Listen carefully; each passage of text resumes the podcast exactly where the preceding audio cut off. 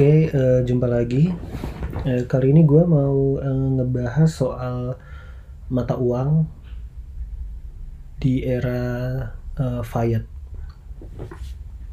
Jadi di episode pertama saya pernah uh, sebutkan bahwa emas adalah uh, backup dari mata uang dan saya sempat uh, usulkan kenapa backupnya nggak pakai batu sekalian.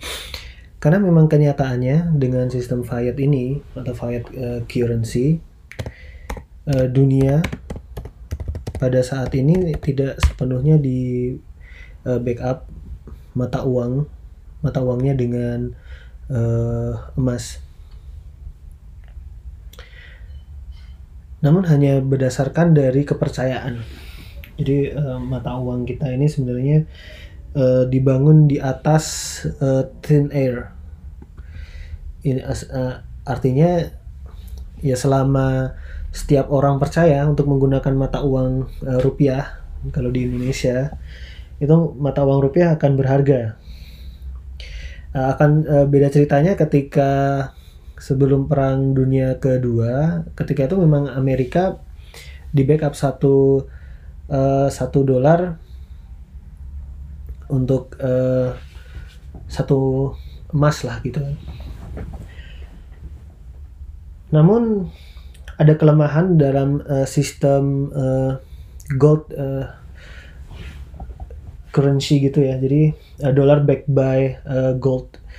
Karena ketika terjadi uh, Great Depression atau uh, depresi besar pada 1928 ketika itu ada uh, crash di uh, New York Stock Exchange uh, pasar modal dan perekonomian Amerika keseluruhan itu uh, kekurangan uang karena uang harus dicetak dengan menunggu uh, backingan uh, emas. Padahal saat itu waktu benar-benar uang, jadi kalau terlambat untuk uh, mengalirkan uh, kapital ke uh, Main Street atau Main Street itu biasa disebut sebagai uh, perekonomian uh, uh, seluruh Amerika ya. Beda kalau Wall Street cuma di bursa, kalau Main Street keseluruhan. Ini mengakibatkan uh, jatuhnya lembaga-lembaga keuangan yang berakibat pada uh, hilangnya beberapa uh, kapital yang beredar di masyarakat sehingga uh, kekurangan uh, pasokan makan, kekurangan pekerjaan, uh, tingkat pengangguran yang tinggi, produksi yang tidak berjalan karena tidak ada uang, itu sangatlah riskan. Sehingga memang memang pada dasarnya uh, sistem uh, uang dengan uh, backingan emas itu tidak tidak bisa menciptakan uh, perkembangan yang melesat. Ya memang ada banyak sekali kekurangannya seperti uh, apa namanya uh, beberapa kejahatan-kejahatan finansial yang terjadi setelahnya pun juga masih banyak. Tapi itu tidak tidak membuat bahwa uh, emas pun menjadi solusi untuk uh, sebuah kestabilan uh, perekonomian. Dan memang uh, emas dipilih sebagai uh, logam mulia di samping karena uh, kelangkaannya yang diklaim langka, tapi saya juga masih bingung kenapa sejak awal peradaban manusia hingga zaman um, milenium ini emas gak pernah habis-habis. Masih ada ada cerita produksi emas di negara ini negara itu masih terus berlanjut. Uh, karena memang pada dasarnya emas ini shiny ya, berkilau dan dia itu uh, utilitasnya itu nggak bisa dipakai apa-apa selain untuk perhiasan. Jadi kalau kayak uh, tentara Roma itu bawa baja dan besi sebagai peralatan perang karena memang baja dan besi itu bisa digunakan untuk mencangkul, digunakan untuk uh, menyembelih uh, hewan, bisa untuk uh, apa namanya menggergaji uh, kayu. Karena memang utilitasnya tinggi emas dan baja, sedangkan uh, sorry emas dan baja. Besi dan baja itu utilitasnya tinggi tapi kalau emas itu rendah. Dia kalau kalau mau dibuat senjata dia udah meleleh duluan. Makanya bisanya dipakai buat eh, barang-barang yang uh, remeh temeh kalau dianggap kan kayak kayak sebenarnya perhiasan itu kan bukan kebutuhan primer dia tersier. Orang nggak pakai perhiasan dia bisa hidup. Tapi kalau orang nggak pakai pedang sama cangkul dia nggak bisa bertahan hidup jadi sebenarnya dia definisi logam mulia itu karena ketidakgunaannya untuk kebutuhan primer. Jadi disebutnya dia itu uh, barang berharga. Nah. Dan diklaim itu langka, tapi sampai saat ini kita nggak pernah kekurangan emas. Emas memang naik terus karena itu hanya uh, seperti sebuah sistem yang uh, sebuah sistem permintaan dan supply. Jadi permintaannya tinggi, nggak berbanding lurus dengan kemampuan produsen emas untuk memproduksi emas. Tapi cadangan emas belum mengalami uh, kekurangan. Bahkan mungkin akan banyak lagi ditemukan gunung-gunung emas baru di uh, belahan dunia lainnya. Kemudian balik lagi ke uh, ekonomi uh, fiat tadi, fiat currency Nah, fiat currency ini memang ada kelemahannya yaitu adalah tingkat inflasi. Jadi uh, karena dia berdasarkan uh, berdasarkan nilainya itu sebenarnya berdasarkan suku bunga dan GDP dari uh, negara tersebut. Seperti hanya um, rupiah dipandang tidak lebih berharga daripada dolar itu dikarenakan faktor GDP Indonesia yang uh, sangat kecil dibanding GDP oleh uh, dolar yang dimiliki Amerika. Oleh karena itu uh, perlu diketahui bahwa uh, emas sudah tidak lagi dipakai sebagai cadangan uh, keuangan uh, rupiah. Sehingga dalam uh, uh, penilaiannya rupiah lagi rupiah itu sudah dinilai berdasarkan suku bunga. Jadi ketika suku bunga Bank Indonesia turun maka uang yang beredar di masyarakat akan naik karena orang-orang nggak nyimpan bank di deposito. Justru orang-orang pilih belanja. Nah ketika suku bunga naik itu orang-orang akan uh, menahan uangnya di bank karena lebih aman di sana daripada dibelanjakan di luar. Oleh karena itu sebenarnya uh, arus arus pengaturan uh, rupiah ini memang tersentral di bank Bank Indonesia.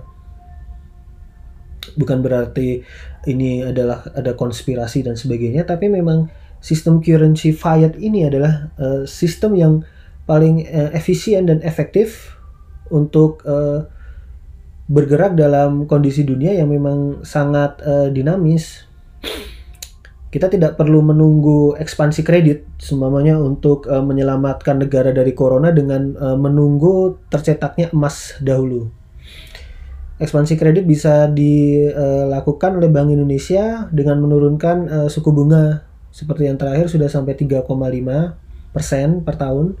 Ini menandakan bahwa diharapkan dengan suku bunga turun, uh, masyarakat bisa meminjam uang dengan lebih murah untuk pertama konsumsi, kedua untuk uh, pinjaman produksi atau mendirikan uh, usaha. Dengan pergerakan ekonomi maka uh, pemasukan negara dapat dijamin. Dari pergerakan ekonomi itu uh, negara akan dapat pajak dari pajak penghasilan sama pajak pertambahan nilai dan sebagainya.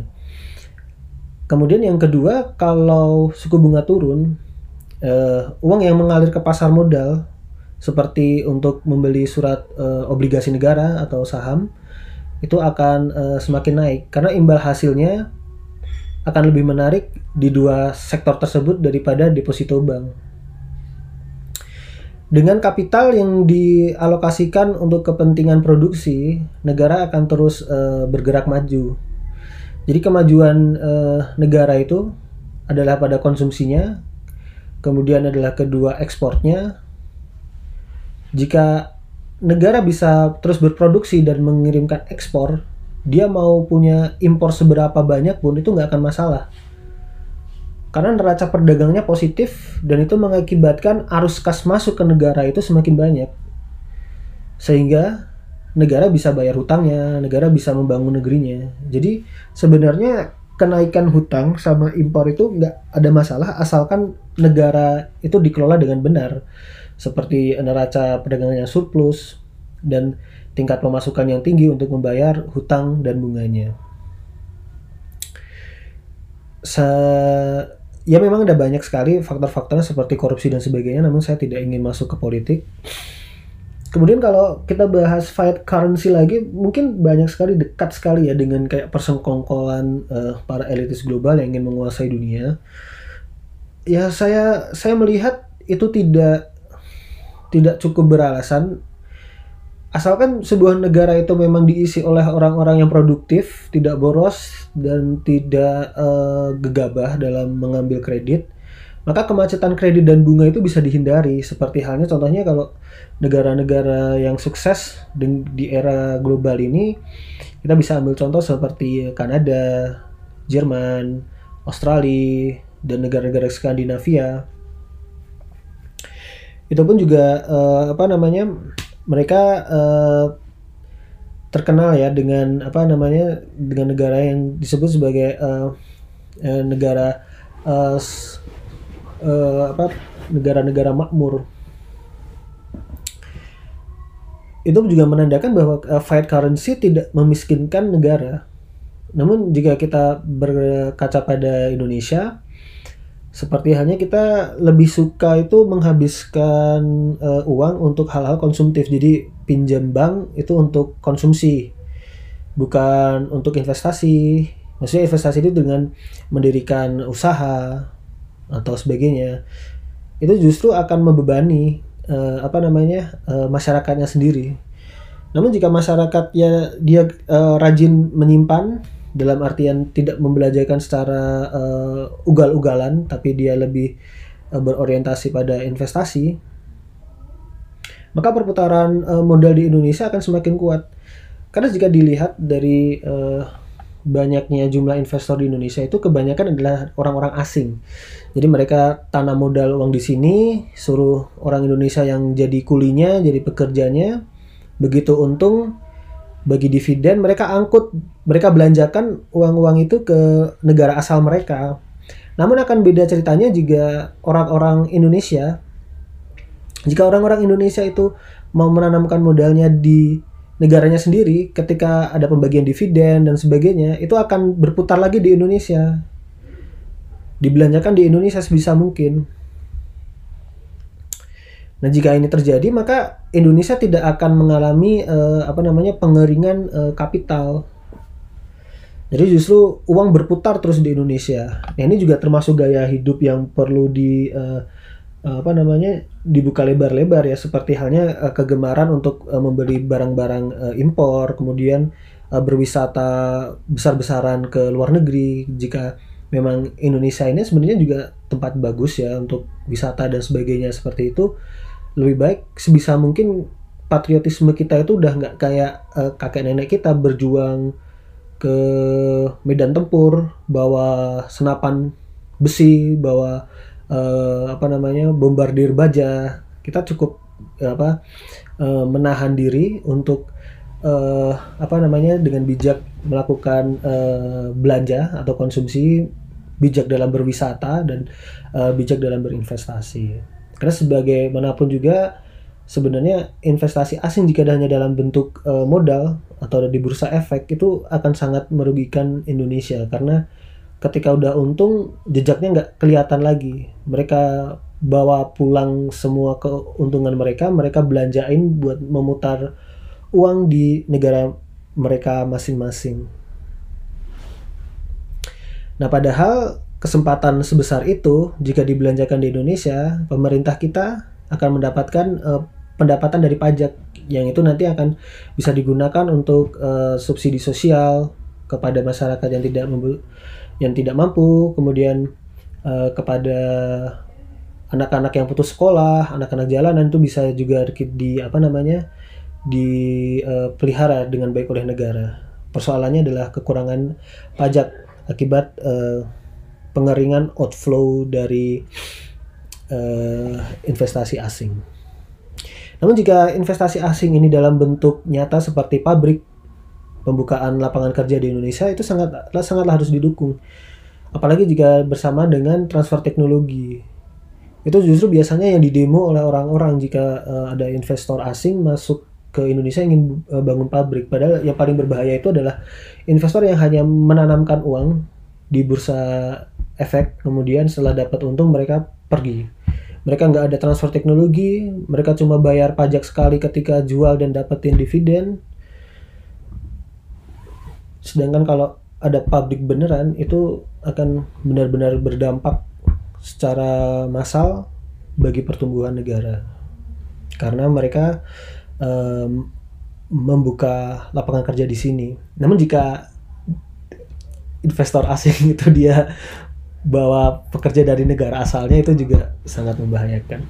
Namun intinya uh, sebenarnya agak melenceng ke sana sini, tapi karena itu memang memang salah satu dampak dari uh, fiat currency di mana uh, arus keuangan antar negara itu sudah semakin liquid.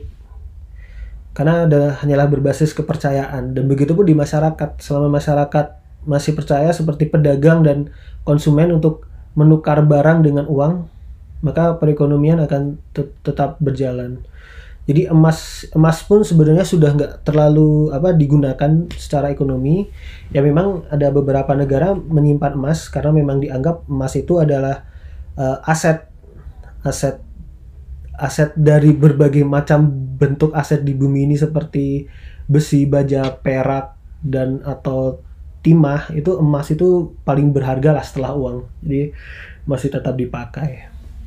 Tapi intinya kalau Anda ingin uh, selamat dari inflasi, ingin ingin lebih uh, mandiri dalam beberapa tahun ke depan, uh, sebisa mungkin jangan gunakan emas namun ada banyak aset-aset yang bisa digunakan yang intinya adalah selama aset itu dapat mengenerate uh, nilai ekonomi maka itu adalah aset investasi terbaik yang harus anda tempatkan dan tentu saja uang bukan salah satunya karena uang akan tergerus oleh inflasi namun jika anda berinvestasi pada bisnis yang bagus maka uh, uang yang Anda tanamkan akan terus berputar dan akan berkembang uh, dari waktu ke waktu selama jangka panjang.